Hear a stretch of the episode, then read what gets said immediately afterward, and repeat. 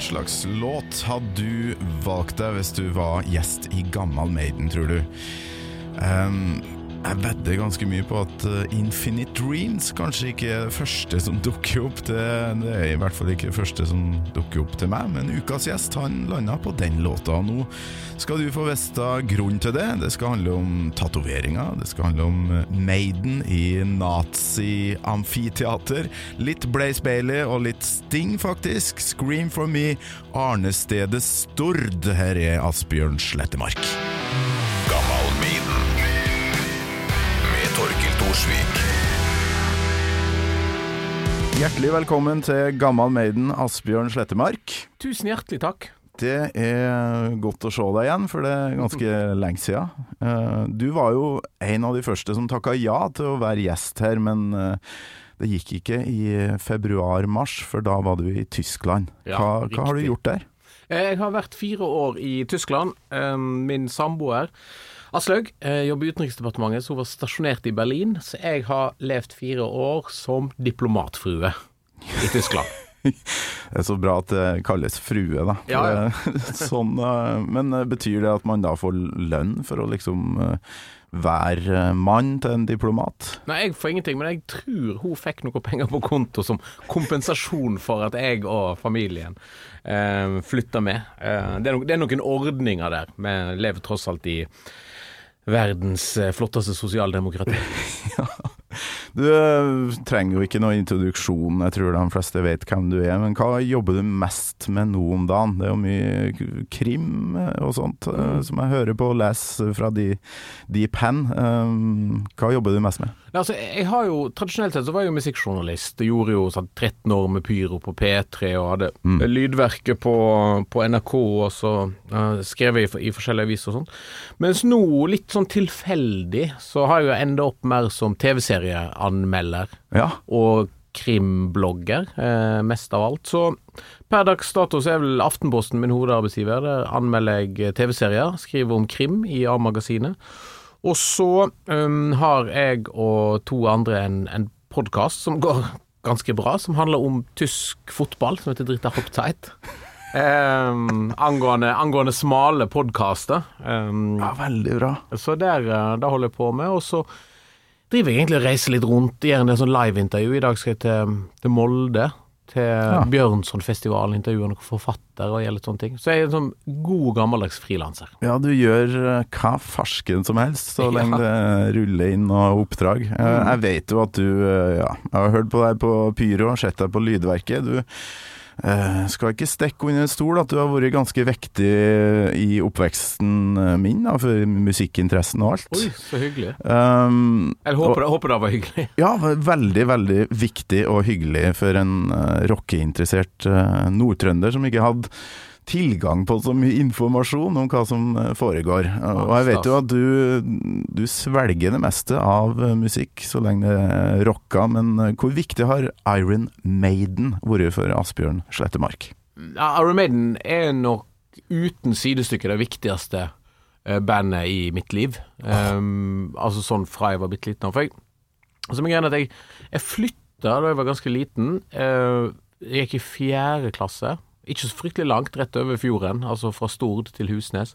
Og det var Ah, rett og slett ganske kjipt. Da, var, da hadde en sånn veldig god gjeng eh, på, på Stord. eh, barndomsvenner. Eh, og så flytta jeg til litt mer sånn litt så urolig miljø på Husnes, og fant meg ikke helt sånn til rette. Men jeg hadde jo da allerede oppdaga band som Accept. Um, husker jeg, var, var stort i en periode, men mest av alt Iron Maiden. Så da hadde jeg liksom med meg som Jeg, jeg følte at jeg ikke flytta alene, da. Jeg hadde med meg Iron Maiden. Ja, ja, ja. Eh, Så jeg dro tilbake til Stord, til Solgulls platebar, og kjøpte Wasted Years på, på tolvtommer. Kom tilbake og satt eh, alene på, eh, på det nye gutterommet mitt på Husnes og spilte den i hæl. Eh, så da, altså, da var Iron Maiden liksom ekstremt viktig. Og da, de første liksom, bekjentskapene, vennene jeg fikk på den nye plassen, da var jo de andre som da var interessert i Iron Maiden. Eh, så da var det liksom et sånn eh, kontaktpunkt inn til liksom, å, etablere meg eh, som 11-12-åring i et helt eh, nytt miljø. Og så sånn I, i seinere i livet så har det egentlig Iron Maiden i forskjell, på forskjellig styrke vært der. Noen perioder ikke så masse. Og så har det kommet tilbake, og så Ja, for det kommer tilbake. Ja, ja, Det alltid. gjør det. Ja, nå, og nå, sånn de siste Altså, siden comeback med Brave New World, så har det egentlig bare ligget der som en sånn jevn kilde til, eh, til glede. Og etter hvert òg masse reising. Jeg har reist masse med Torgrim Øyre, som Ja. er jo veldig aktiv Iron Maiden-fan, som jeg har vært masse rundt og Tidligere og gjest her, eh, Torgrim. Ja, han, eh, han kom inn og sneik til seg Alexander the Great før meg. Helvete. Som du kunne tenkt deg. Vi skal komme tilbake til den der eh, ønskelåta, eller hva vi skal kalle det. Men fast spørsmål, da, som bruker å åpne opp for veldig mye mimring her. Kan du huske liksom første øyeblikket da du hørte ei Maiden-låt?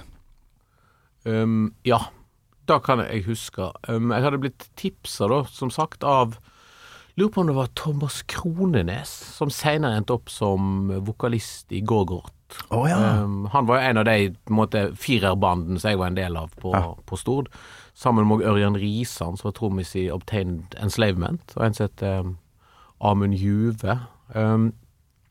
Jeg husker noen, noen tipsa meg om Iron Maiden. Jeg husker ikke helt akkurat når det var, men jeg husker at jeg kjøpte da Fame-utgaven av den første, det første Maiden-albumet på kassett. Du, du er kanskje for ung til å Altså, huske Fame-utgavene? Ja. Nei, jeg, jeg aner ikke hva det er. Det er altså- første gangen jeg har hørt, tror jeg. Det som var greia at Alle de forskjellige plateselskapene hadde egne billigserier. Eh, sånn som Nice Price er jo en egen billigserie, Ja. og så var det vel Warner som hadde den med sånn utropstegn på. Mens alle EMI-plater, etter de hadde blitt solgt så og så lenge, så kom de ut i Fame-utgave, og da sto det trygt. For eksempel på den, da, på Iron Maiden um, første, så står det trygt på cover, så står det trygt en sånn Fame-logo, en rød logo. okay. Som gjør at da solgte de den til halv pris. Som da på det tidspunktet jeg tror var 39,50 på LP, og kanskje det samme på kassett. Da fikk jeg den på kassett, og da er den òg litt sånn amputert cover. Det er bilde av coveret på coveret, den dekker ikke hele Ja, kassettcoveret. ja, ja. Det hvitt over og under med Ja. sånn svart skrift, så har jeg nok hatt en sånn en Ja, altså, altså. litt, sånn- litt, sånn, eh, litt sånn som en, en boligstylist ville vel kalt det egg, eggehvitt, tror jeg. Um, og da, Jeg forsto ikke hvorfor de gjorde det sånn. Jeg bare, Ja, det var for at du, skulle, liksom? at du skulle lage en på en måte en litt, litt mindre verdifull utgave, sånn at du kan Ja. fortsette å selge originalen, Ja, men at du jeg òg tapper et marked. Det blir som en, som en paperback i bokbransjen. Sånn. Jeg tror jeg hadde den ja, første debutplata hadde jeg i en sånn utgave. Jeg forsto ikke hvorfor den var, skulle være sånn eh, stygg, da, i forhold til de andre det, det, kassettene. det fantes faktisk en enda mer dramatisk eh, verdisenkning som en tok på plate da. Husker du Cut Out? Men nei, Jeg... Nei. Det var sånn vanlig. Da for eksempel tatt inn en plate, en platebutikk, tatt inn 20X. Solgt nesten ingen av den, solgt tre eksemplarer. Sett den på salg, får ikke solgt den. Så på et eller annet tidspunkt så inngår det en avtale med plateselskapet de har kjøpt den fra, om at de kan selge den billigere, eller Og da klipper de litt av kanten på coveret. Og det blir en cutout. Og så er det en del sånn gamle plater som du finner på bruktsjappa, har en sånn liten klipp i seg Ja. oppe i høyre hjørne. Det er, det er gamle devalueringen. Cut- Oi, oi, oi. Hva man lære? Eh, hvor var det her, da? Eh, hvor eh, Dette var på Stord. Det var på Stord. Og da hørte vi på den, men da fant jeg fort ut at jeg syntes det var mye kulere med, vi- med LP Ja. enn med kassett. For at, da kom jeg jo fremdeles fra kassettverden. Altså, jeg hadde jo da hatt um, gamle Wam-kassetter, Bruce Springsteen, a-ha, Tears for Fears, stort, Mm. Ja, ja, ja. stort på kassett. Så da når jeg da tok steget over i Iron Maiden-verden, så begynte jeg da på kassett, men så skjønte jeg fort at dette, dette bildet av Eddie, det kan jeg ikke ha på kassett. Eh, Dette må jeg ha stort. Så da fikk jeg på et eller annet vis bytta den kassettvarianten i LP-versjonen av aller første Mm. Armaden. På Stord, sånn cirka Når blir dette da? Det blir vel da omtrent Etter a-ha, det må jo være Ja, altså, det- ja, for 86, Ja, 87? rett, rett, nei, for dette, jeg husker at mi, den første plata jeg kjøpte, som den dagen den kom i butikken, da var Summer in Time, og det er jo 86. Mm. Så jeg tipper dette var 84-85. Oi, oi, oi. Mm. Det beste, beste tida å oppdage Maiden, vil jeg tro. Ja, altså, Jeg kom nok inn eh, litt senere. Um, det er jo helt fantastisk å lære alle disse tingene der, Asbjørn. Um, når du flytta, da, fant du liksom Var det en isbryter på et vis å ha Maiden med seg, eller uh, fant du noen andre som du kunne Ja, så begynte jeg å henge litt med mm, blant annet en som heter Jon Magne, som òg var Iron Maiden-fan. Uh, data, dataspill og Iron Maiden. Da var Oi, hans. oi, oi, oi. oi. Commodore 64, da? Ja, ja, ja. Han var vel, gikk vel kjapt over på Amiga, mener jeg å huske. ja, ja, ja. Um, og en som heter Mikael, var òg veldig Iron Maiden-fan. Og så um, Da ble jo da en, en, en isbryter, helt um, definitivt. Um, og så Ja, så da, da fikk Iron Maiden liksom stadig større og større plass i, i livet mitt, og sammen med fotball og etter hvert gitarspilling. Ikke sant. Jeg, jeg sleit nemlig sjøl når jeg skulle fra lille Kolvereid til Namsos, da, som var liksom storbyen for oss. Big City Eh, Lights. ja. Og fant ingen eh, Maiden-fans. For det var jo eh, godt ut på 90-tallet, og metall var liksom ikke Det var mye grunge, og så var det jo eh, Ja, Namsos er jo en rar by. Der, der var det mye rar musikksmak. Um, du, vi må inn på, på låta du har valgt, for det her kan jo bli langvarig. Tenk. Kjenner jeg på kroppen allerede nå. Um, Hvilken låt har du valgt det? Um, min første tanke var selvfølgelig Alexander the Great, uh, men min andre tanke var at den har garantert noen tatt. um, så Her fikk du rett òg. Ja, og den har jo da Torgrim Øyre tatt, og snakka meget kompetent om. Han kan jo Maiden mye bedre enn uh, meg. Um, så da tok jeg liksom runden på Maiden-tatoveringer på kroppen. For at jeg har Alexander the Great, um, um, A God Amongst Mortal Men, på ene armen. Ja, du har det, ja. Ja, ja, og så holder jeg på og så tatovere uh, en sånn spesialtegna Ikaros-tegning over hele ryggen. Holdt på i tolv år. Skal jeg gjøre den ferdig nå i høst. Er det mulig å få se det her? Altså, Ja, du- det er ikke- vanskelig på podkast å, å se tatoveringa, men eh, kan- jeg har veldig lyst til å se det. Du, du, du skal få se den etterpå, men da du skal få se nå, er den tredje tatoveringen okay. som eh, For den er ikke helt ferdig på ryggen ennå, så du kan få se den når den er ferdig. Men den, eh, Flat Icarus snakket om at det var noen andre som skulle ta, så hvis jeg kunne finne en annen en Og da kom jeg til fingrene mine, da. ja, der ja. Et sjutall, sånn og sjutall og sånn Ja. på, på til sammen fem fingre, som du fremdeles Ja. Nei, fire, fire er det så klart.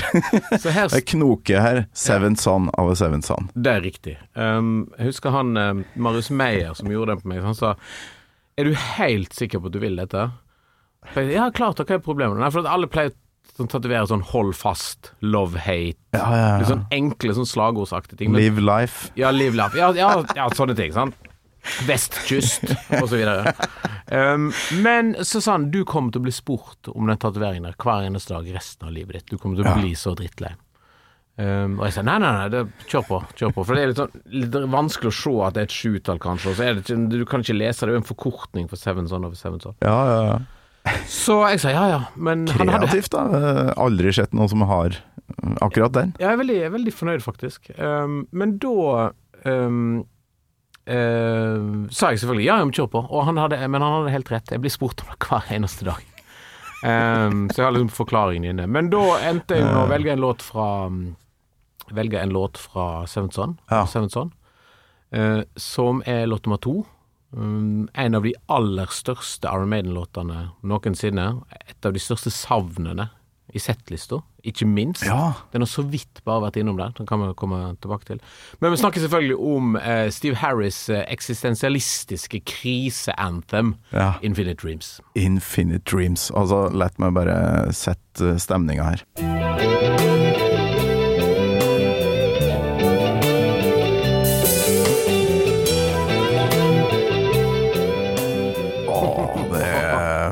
Frysninger, og vi ja. Så vakkert. Men eh, det er jo et hav av låter fra Seven Son å velge, så hvorfor akkurat Infinite Dreams? Oi, hvor skal jeg begynne? Det er så mange grunner til å velge uh, Infinite Dreams. Um, først av alt, som jeg hørte på det lille klippet av introen her, så er det en smellvakker låt.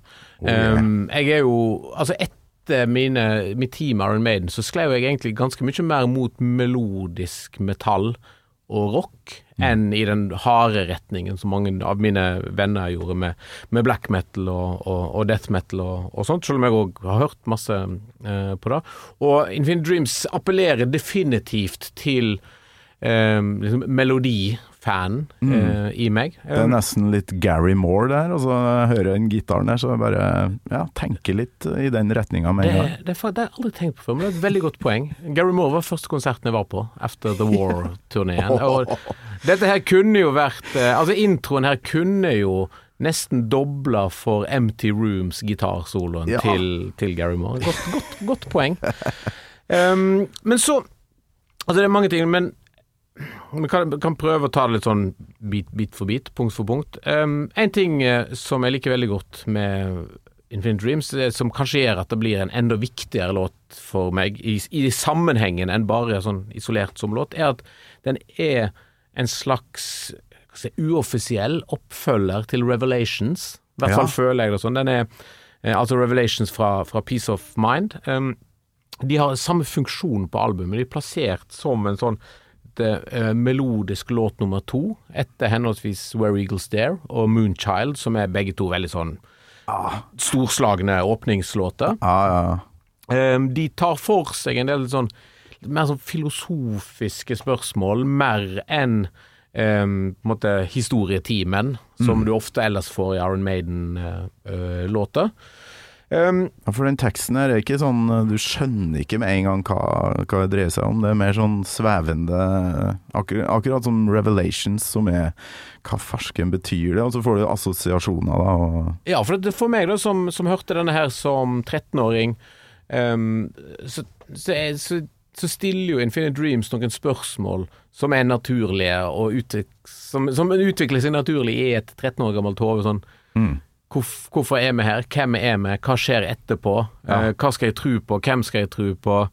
Eh, hva er det som skjer oppi hodet mitt når jeg legger meg til å sove, og det begynner liksom å boble litt for masse i tankene i, eh, i knollen? Alle disse spørsmålene blir jo stilt i Infinite Dreams, Ja. og de blir jo ikke svart, men jeg føler at det en sånn sang som i stor grad inspirerer til å, å tenke litt grandiose, eksistensialistiske eh, tanker, da. ja, Um, visst. Eh, og så, men sånn, rent sånn musikalsk sett så er det òg en veldig interessant låt, syns jeg. For jeg syns at um, Infinite Dreams um, står som en viktig uh, motsats til en del den trenden som du spesielt på de siste Iron Maiden-platene har sett masse av, på, på Final Frontier og, og Book of Souls. Hvor det er altfor masse repetisjon. Det er refreng som går om igjen og om igjen og om igjen, og ikke minst disse evinnelige introene og utroene til Steve Harris. Altså Altså, nå, han er lang, altså. ja, altså, en snakker masse om at eh, en produsents viktigste jobb er å si nei, nei og nei. Um, Kevin Shirley har ikke gjort jobben sin. Det er vel han som har produsert det siste òg, tror jeg. Um, jeg har definitivt ikke gjort jobben sin der, mens ehm, den jobben ble jo gjort rundt uh, jeg, jeg tror kanskje den friksjonen som var i Iron Maiden på den tida Uh, Adrian Smith slutta jo rett etter Sevenson. Ja. Den friksjonen førte til dårlig stemning, men veldig gode resultat. For låtene på både Summer in Time og Sevenson er jo stort sett perfekt arrangert. Uh, både sånn i lengde og oppbygging. Da tror jeg er på grunn av at de begynte å hate hverandre.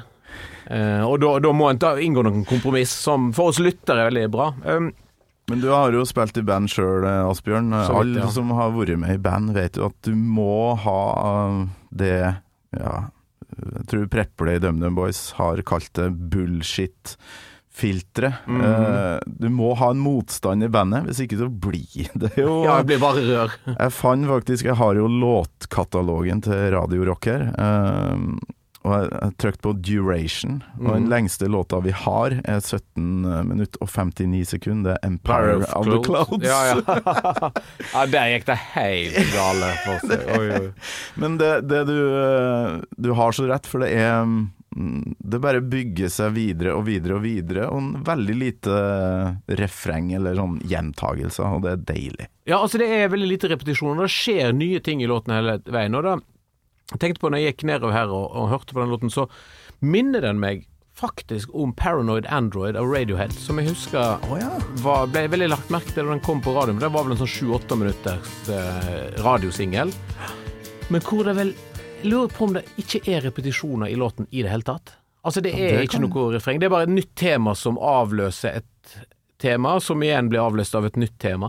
Og litt sånn er Infinite Dreams òg. Akkurat når du tenker at nå skal de tilbake til et freng og hente inn noe, og så går låten videre, så kommer en solo, og så ikke minst, og så har du dette majestetiske avslutningspartiet. Ja, ja, ja. Eh, hvor tempoet går ned i sånn eh, i sånn eh, ferjebølgetakt, og eh, konklusjonen om eh, spørsmål om liv og død og alt skal, skal komme. Helt sånn utrolig majestetisk eh, Jeg lurer på om jeg kanskje har et lite klipp her, men det er kun bass og trommer. Jeg tenkte å spille litt senere, men vi kjører på nå. Ja. Hør på her.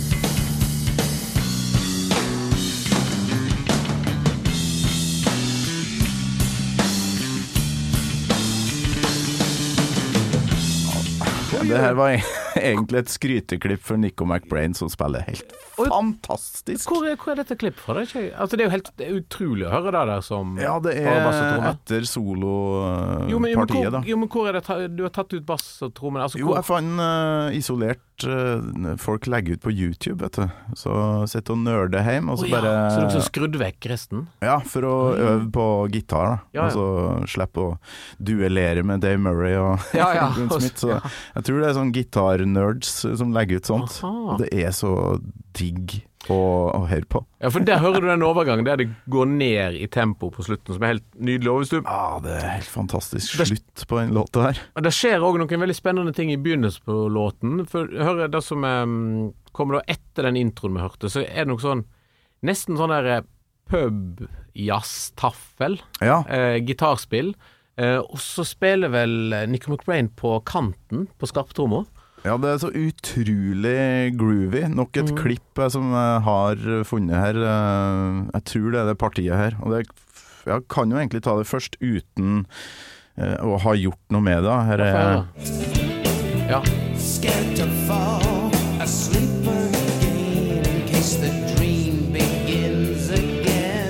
Ikke sant? Og så kun bass og tromme her, da. Det er jo helt nydelig.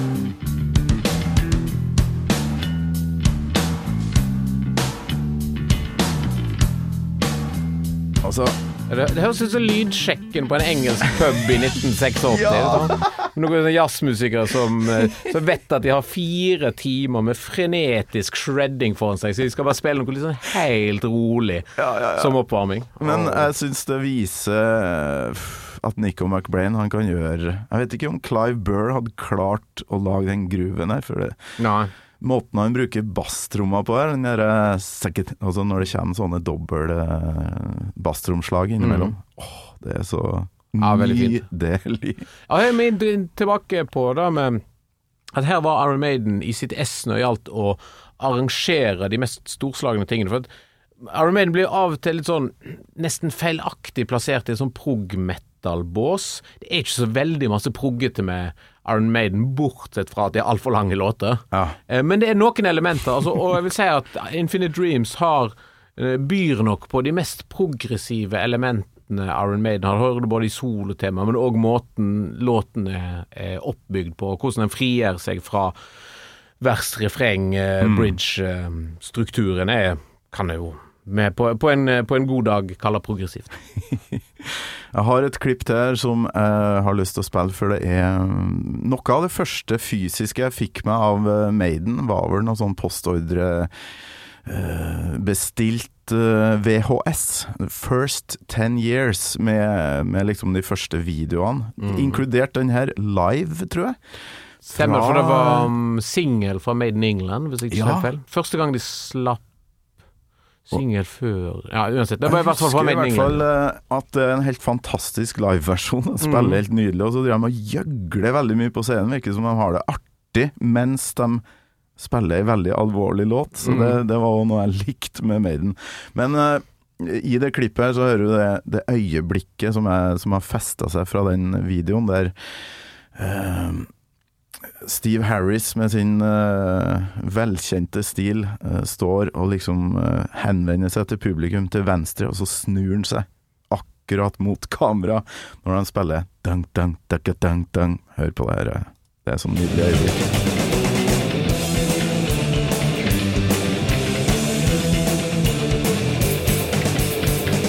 Ja, det her er det tøffeste øyeblikket i låta, syns jeg. Når de gjør den der. Åh. Duff, duff, tøff, duff, duff. Men uh, det her er Steve Harris helt alene, ikke sant? Som har skrevet, Som har skrevet, låta. ja, ja. Han har stått og grubla, da, vet du. Litt, litt for seint på kvelden i Ja, Aner du slottet hva, sitt. hva som er bakgrunnen for teksten her, eller?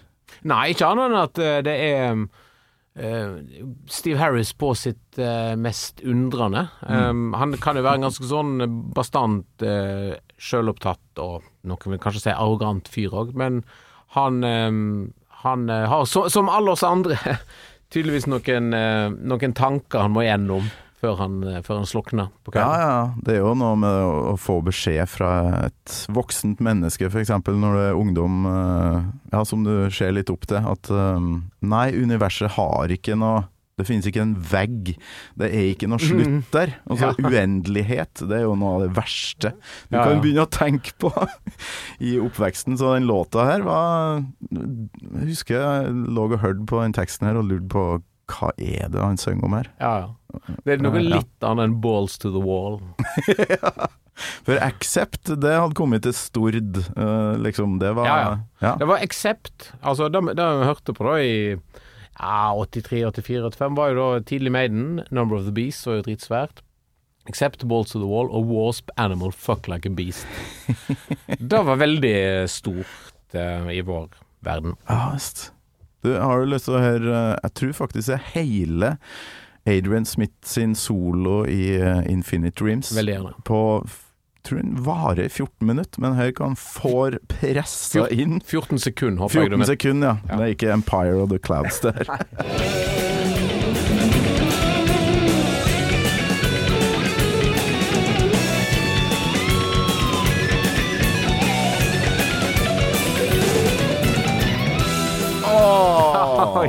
Orgasmos. Å, vakkert. Ja, men han har en tendens til å, å finne de rette måtene å gå ut av soloen på. Ja, veldig. Og det, men det er en sånn arrangementsmessig, for det, det, akkurat måten han går ut av soloen der, dr- skyver låten videre i en ny retning igjen. Ja. Eh, veldig, veldig vakkert. Ja, det første man tenker er at nå må det jo komme et refreng, ikke sant? men så gjør de ikke det. De eh, finner på noe helt nytt som de ikke har hørt tidligere i låta. Det eh, ja, hvis Steve Harris hører det her, lærer, seg norsk, eh, tilbake til det, det dere holdt på med på det tidspunktet. ja. For nå er jo Adrian Smith tilbake, altså bullshit-filteret er tilbake. Og, men det er godt mulig at eh, det ikke hadde hjulpet helt da, på all låtskriving, i hvert fall. Nei, jeg er veldig spent på nye plater. Den er vel ferdig spilt inn og ligger klar en stund. Ja, Veldig spent på hva som koronaen skjer har kanskje gjort, uh, gjort at det blir utsatt, jeg vet ikke. Ja, altså det er vel den, Altså Maiden har jo nå sånne planer at de kjører jo album og så en eller annen retroturné og så Ja. Så de har på en måte Planene ligger ganske mange år fram i tid. Så jeg tror den plata ikke nødvendigvis var tenkt skulle komme ut med en gang uansett. Men det Mm. kan være han har fått litt ekstra utsettelse, for nå ryker jo sommerens uh, turné. Altså alt blir jo flytta til neste år Ja, igjen. og så det blir jo ja, Tenker du 2022, eller? På du, dette albumet. tror du absolutt alt nå Ja, da- Det er vanskelig å si, men Nei, det er folk som Tylden og Torgrim og de kan det, og Runar Pettersen kan det mye bedre enn meg. Men jeg, jeg forventer ikke at den album, det albumet skal dukke opp på, i Spotify-feeden min med det aller første. Nei. Men um, det her er jo et album med kanskje et av de fineste coverne som er lagd. Det er Eddie som henger over et eh, blankt hav, det er Mm. isfjell og eh, Det er vel litt rester fra 'Summer in Time', eh, kanskje? Som er jo verdens beste platecover. ja, time, ja. det, så Seven Son er jo det, det nest beste. Hvor Mhm. viktig har det visuelle vært for deg i, i oppveksten, og med tanke på Nei. hvordan du oppdaga Maiden? Ekstremt viktig. Um, jeg var veldig tegneseriefan da jeg var liten, Ah. med i Fantomeklubben og, og sånt. Um, og ja, altså alt, lærte meg å lese gjennom Donald Duck og så videre. Og så da at Armaden bodde på en sånn ferdigpakka tegneserieprofil, det var noe som tiltrakk meg veldig masse da Mm. jeg var liten. Um, og så like, elsker jeg jo òg sånn mytologi, mytebygging rundt band, for eksempel at du kunne historien om at du kunne lese Hvis du fikk tak i alle Iron Maiden-platecover og la de i riktig rekkefølge, så ble det til en tegneserie med en Ja. historie. Ah, Um, men da måtte du selvfølgelig ha alle de forskjellige singel- og maxicoverne, Woman in Uniform og så, og så videre. Eh, Så jeg husker jeg drev og la alle Iron Maiden-platene jeg hadde fått eh, penger til å Eller fått tak i penger til å kjøpe. Mangler jo masse, selvfølgelig. Um, og så la jeg de etter hverandre på rommet mitt, så prøvde jeg liksom å lese den tegneserien, og så fant jeg ok, jeg mangler den plata. Um, hva er det det cover? Så prøvde jeg å se for meg det coveret. og Så, ja. så, sånn, så det, var, det var veldig viktig. Det var veldig forstyrrende at den ene tolvtommeren som ble sluppet, en av de i hvert fall, til Live After Death, Mm. hadde cover med bilder av bandet live. Å ja. Husker, var det Running Free? Um, som var helt sånn forstyrrende i den rekkefølgen ja, ja. av Eddie. Ødelegger alt. Ja, Og Live Plus One, det der Japan-importen, hadde jo òg Paul Diano på, på cover, som var veldig vanskelig. Men siden det var fra Japan, så kunne jeg liksom akseptere det. Det gjør det jo ting litt uh, annerledes. Men, men eh, denne eh, profilen, tegneserieprofilen med Eddie til Iron Maiden, har, uh, var helt essensiell. Og det er jo det som gjør at jeg sånn Sånne ting som gjør at jeg i dag f.eks. er fryktelig glad i Ghost. Bortsett fra Ja. at de selvfølgelig lager dritbra musikk, er jo at jeg er så glad i et band som klarer å pakke inn det de holder på med, på en kul, uhøytidelig, eh, men samtidig veldig seriøs måte. Litt som, som Slipknot òg har, eh, har gjort. da. Ja. Det er, det er gjennomført og gjennomtenkt, eh, stort sett. Men ja, så kommer det til et punkt der uh, man ødelegger det, sånn som Maiden har gjort, uh, syns jeg, da. Det er vel det ingen av de nye coverne etter 90, 90 som eh, kan måle seg med de 80-talls Nei, altså de, altså de nådde jo et definitivt eh, bunnpunkt, ikke bare i egen historie, men i hardrockens historie med Dance of Death-coveret. Ja. Eh, når de begynner å ansette sånne er kompiser som har fått seg et eller annet nytt dataprogram, der du kan bare trykke fram cover. Eh, men jeg likte Brave New World, syns det var egentlig ganske kult ja. cover. Ja. Brukbart. Hvor mange konserter har du vært på? Altså, jeg, jeg, har ikke, jeg har ikke telling, Nei, men langt ifra så masse som, som mange andre som planlegger feriene sine etter Iron Maiden. Men jeg sitter i ganske mange forskjellige byer, da. Meg og Torgrim hadde en helt ubeskrivelig kul og veldig marinert tur til Lisboa i 2005, da de var på den Early Years-turneen sin, som var veldig radikal og kul settliste. Da hadde vi ei langhelg i Lisboa, som var veldig flott. Um, og så Hvor andre Jo, så um, mm, mm, Vi har sett dem på masse festivaler rundt om i Skandinavia. På I Sverige, Norge Trondheim var jo Det var en dritkul konsert. Den Ja, der fikk jeg jo ikke vært, så ikke nevn det. Vær så snill. Ja, og da, da var første gang jeg ble ordentlig venn med Two Minutes to Midnight, som jeg aldri egentlig har syntes var en veldig en av de store låtene, men der så ble den Ja, ble jeg ordentlig venn med den. Men eh, den kuleste konserten jeg har sett med Iron Maiden sånn venue-messig, det er jo den siste. Tror jeg i hvert fall den siste. Um, vi var og så de på Valtbyene i, um, utenfor Eller i Ah. Berlin. Ja.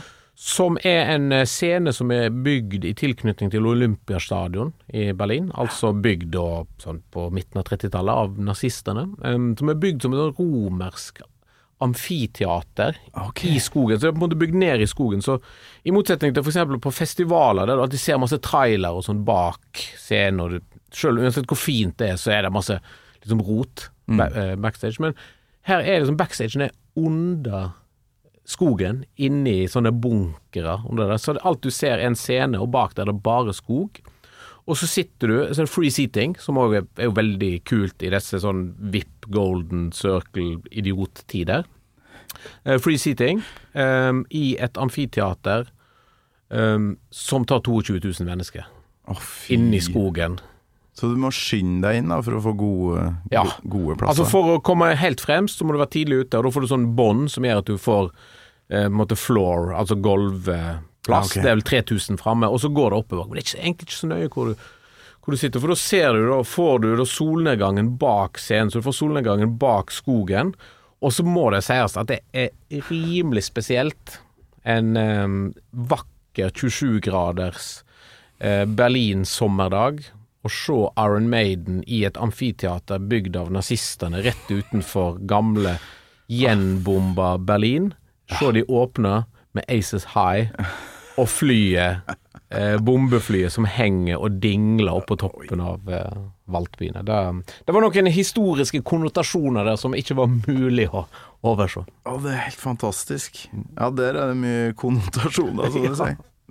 Infinite Dreams da mm. er jo spilt live på 80-tallet i hvert fall. Jeg aner ikke Tror du du får høre den?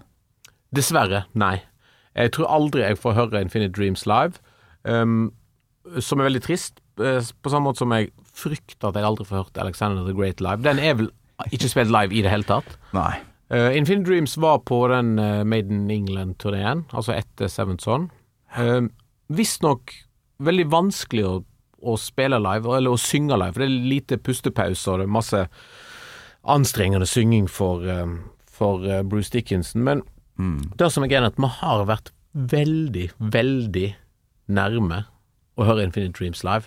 Oh, ja. For da de planla eh, turneen sin, retroturneen i 2012-13, det var vel kanskje Made in England-turné, en slags sånn eh, repetisjon av den turneen. Da øvde de inn Infinite Dreams. Og de gjorde det, ja. Hadde den klar, eh, og faktisk De har aldri sagt det sjøl, men det var noen ivrige fans som fulgte lysmannen til Maiden på Instagram. Som så Han har tatt et bilde av liksom lysorgel, eller hva du vil kalle det, lysplattformen sin, der han ja. eh, programmerer ting og styrer på. Og der sto det ei settliste. I den settlista så sto Infinite Dreams. Men når de, da kom, eh, når de da kom til første konsert, når alle trodde at de skulle dra inn Infinite Dreams, så var den erstatta av en låt som riktignok ble en, en, en ny, moderne liveklassiker for Iron Maiden, um, 'Afraid to Shoot Strangers'. Mm. Som var da satt inn i stedet for Ah, okay. Infinite Dreams. Og ryktet sier at det er ikke at låt, låten i seg sjøl går an å få til, men at den tærer såpass på kveldsformen til Bruce Dickinson at han, han bruker for masse av den energien og kapasiteten han har på den låten, som ville gått utover resten av settet hvis han skulle synge den hver eneste Ja. konsert. Det er veldig ofte vokalister som, eh, som får siste ordet når det Ja. gjelder eh, settliste, og det er jo helt greit. Han Ja. synger jo eh, helt nydelig på, på Ja, denne låta. Men akkurat derfor så skulle jeg jo tenke, altså, Han er jo så god form nå, så jeg kunne godt tenkt meg å hørt han Mm. naila Infinite Dreams. Hvis jeg hadde vært sånn der Nicolai Tangen-milliardær som hadde liksom eh, 11,5 millioner tilgjengelig til å booke inn noe underholdning når jeg inviterer eh, forretningskontaktene mine på ehm, på event eller på konferanse, så skulle jeg brukt hver eneste krone på én ting. Det var at jeg skulle ringt til Steve Harris og sagt dere får alle pengene jeg har, så bare kom her, og for meg og mine venner så kan dere spille Alexander the Great og Infinite Dreams. Bare tøm bankkontoen min, alle fondene mine, alt. Bare kjør på. Jeg, jeg, kan, jeg kan leve på nudler resten av livet. Bare gjør det. Kanskje de hadde sagt ja. da. De kunne gjort en one night only. Ja. Da, da, da er du invitert. Altså ikke Sting? Nei, Eh, nei. Du hadde ikke Nei, altså, jeg, jeg, jeg digger Sting. Jeg, faktisk, jeg syns, syns Nicolai Tangen fikk ufortjent masse pes for å booke Sting. Veldig kul. Ja, den Ja. Katalogen hans er jo helt nydelig. Absolutt. Uh, men jeg hadde nok um, valgt å prioritere Infinite Dreams foran Field eh, of Gold. Ja. Inviter meg den dagen det skjer. Uh, det lover jeg. Eh, Det har jo vært perioder der Maiden liksom ikke har stått så høyt i Mm. kurs, da, altså i kred-miljøene. Mm. Har du alltid vært sånn åpenlyst gått med T-skjorta? Ja, ja, du er jo tatovert for svingene. Ja. Ehm, ja, altså jeg, jeg, skal ikke være vanskelig å innrømme at eh, jeg hadde en periode på Ja, altså rundt X-Factor og hva er den andre heter? Uh, Eleventh Man, holdt jeg på å si.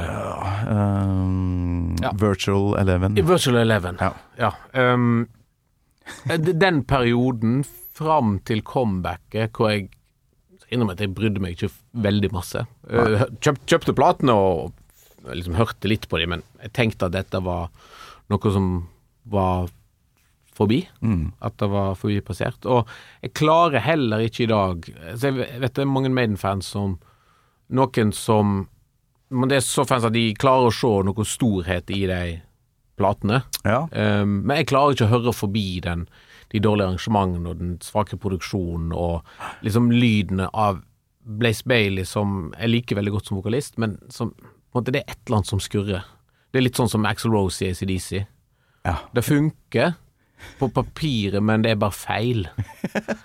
um, så da Men Ja, um, nå er det mange som hører på som bare vrir seg i uh, ren irritasjon. Jeg får så mange meldinger fra lyttere som uh, ikke, ikke snakk ned Blaze Bailey, vær så ja, snill, ja. sier dem. Og jeg uh, har det sånn som det.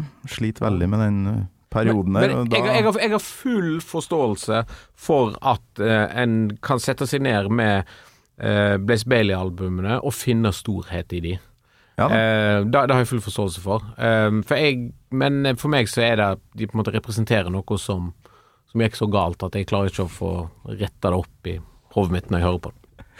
Den storheten jeg ser i den perioden her, er at de eh, faen meg ikke ga opp. Det syns jeg Ja. er helt uh, Å ha vært på Rock in Rio med million mennesker nesten, og, og Monsters of Rock, de hadde gjort alt. Mm. Og så skal de plutselig da stå på klubbscenen, og det er ikke utsolgt engang. Det, sto de på sentrumsscenen, da, ja. ja, at de faktisk Mm. gjorde det. Det var en del band som ikke ga opp, og som ikke prøvde å tilpasse seg tidene heller. Mm. Da, selv om Maiden gjorde det til en viss grad, men sånn som Jeg tenker at storheten til Iron Maiden og den, det tette båndet de har til fansen sin i dag, er blant annet på grunn av at de aldri prøvde å bli grunge-band som Motley Crue, for eksempel, på 90-tallet.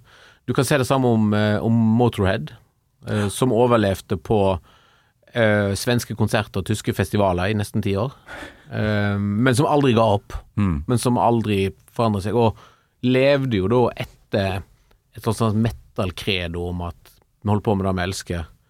Eh, hvor mange som forstår det forskjellig fra tid til tid, men vi har ikke tenkt å endre på oss av den grunn. Eh, og der, derfor er de i dag større enn noensinne. Ja, ja, ja. Det nærmer seg slutten. Um, og det nærmer seg 30-årsjubileum. No Prayer for the Dying eh, skal jo så klart eh, hylles med nevnte Andreas Tylden i en eh, kommende episode her. Mm. Jeg så han Eh, skrev på Facebook her i dag at No prayer for the dying. Det er obligatorisk å høre den minst én gang om dagen. ja, det er så bra på den Facebook-sida til Maiden-fansen. Han eh, kjemper veldig for det albumet. og Ja, ja. det- Jeg elsker Tølden, Tylden, altså. Ja. Ja, bra fyr, og øh, et bra album òg. Jeg er ikke enig i at det er så høyt opp på lista som, som det han har, tror jeg. Mm. Men uh, Nei, men Det er viktig å ha litt sånn kjepphester. Jeg har blant annet en, en Black Sabbath-kjepphest. Før så var jo Born Again en kjepphest, men nå er vel alle egentlig enige om at den plata har masse kvaliteter. Men jeg er veldig fan av Never Say Die-albumet til Black Sabbath, som Ah, okay. alle regner som nesten hopper over da, som et uh, Black Ja. Sabbath-album. Så det er sånn som du treffer meg liksom litt seint på kvelden inne i et hjørne på Vaterland, eller hvor det er, så kan jeg gjerne ha et sånn 22 minutters foredrag om hvorfor det funker at Black Sabbath hadde noen litt sånn funky elementer på uh, Never Say Die. Og jeg gir meg ikke før jeg har overtalt alle om det. For jeg, for jeg forstår Tylden og No Prayer for the Dying eh, det. Ja ja, for jeg og han er jo født nesten samtidig, og vi var jo Vi var jo tolv år, da. Så vi var jo midt i målgruppa, ikke sant. ja, ja. Dere, Og altså, du er på tre år før, er du ikke? Eh, vi- 75? Jeg er født i 75, ja. Altså Når du er tolv år, da er jo hjernen din en svamp. Og den tar imot alt han får servert, uansett hva det er. Du har ikke sjans. Ja, men du, vi må avslutte her med at jeg får se den uh, tatoveringa på ryggen som du nevnte. Den var ikke ferdig, sa du, men uh, du må bare f uh, flekke av deg uh, trøya di her. Uh, Jeg har jo du må få se hva det er for noe. Jeg har da Det er Marius Meyer som har tegna. Marius Meyer, hvem er det? da? Det er Norges beste tatovør. Se der, ja! Der har vi Det er da Ikaros som faller fra himmelen ned i den, det greske havet som da dekker mine to rumpeballer. Ja, Så den går helt ned Ikarus uh, detter ned i rumpa til Ja, Asbjørn. As Asbjørn. oi, oi, oi. Den var svær, da. Ja, den har holdt på med lenge. Og så er det så, så, vondt. Det er vondt på ryggen. Jeg Så har aldri jeg- tatovert meg, så jeg aner ikke hvor vondt det egentlig er. Nei, altså ikke begynn på ryggen. Altså. Jeg, nå er det vel tolv år siden jeg begynte, men nå skal jeg ferdig nå i slutten av oktober. Okay. Skal jeg sende deg et bilde så når alt er fiks ferdig. Ja, du, det har jeg veldig lyst til å se. Tusen takk for besøket, Asbjørn Slettemark, og lykke til med den uh, tatoveringa di. Au, sier jeg. Tusen takk, veldig hyggelig å være her. Gammal Maiden med Torkel Thorsvik. En podkast fra Radio Rock.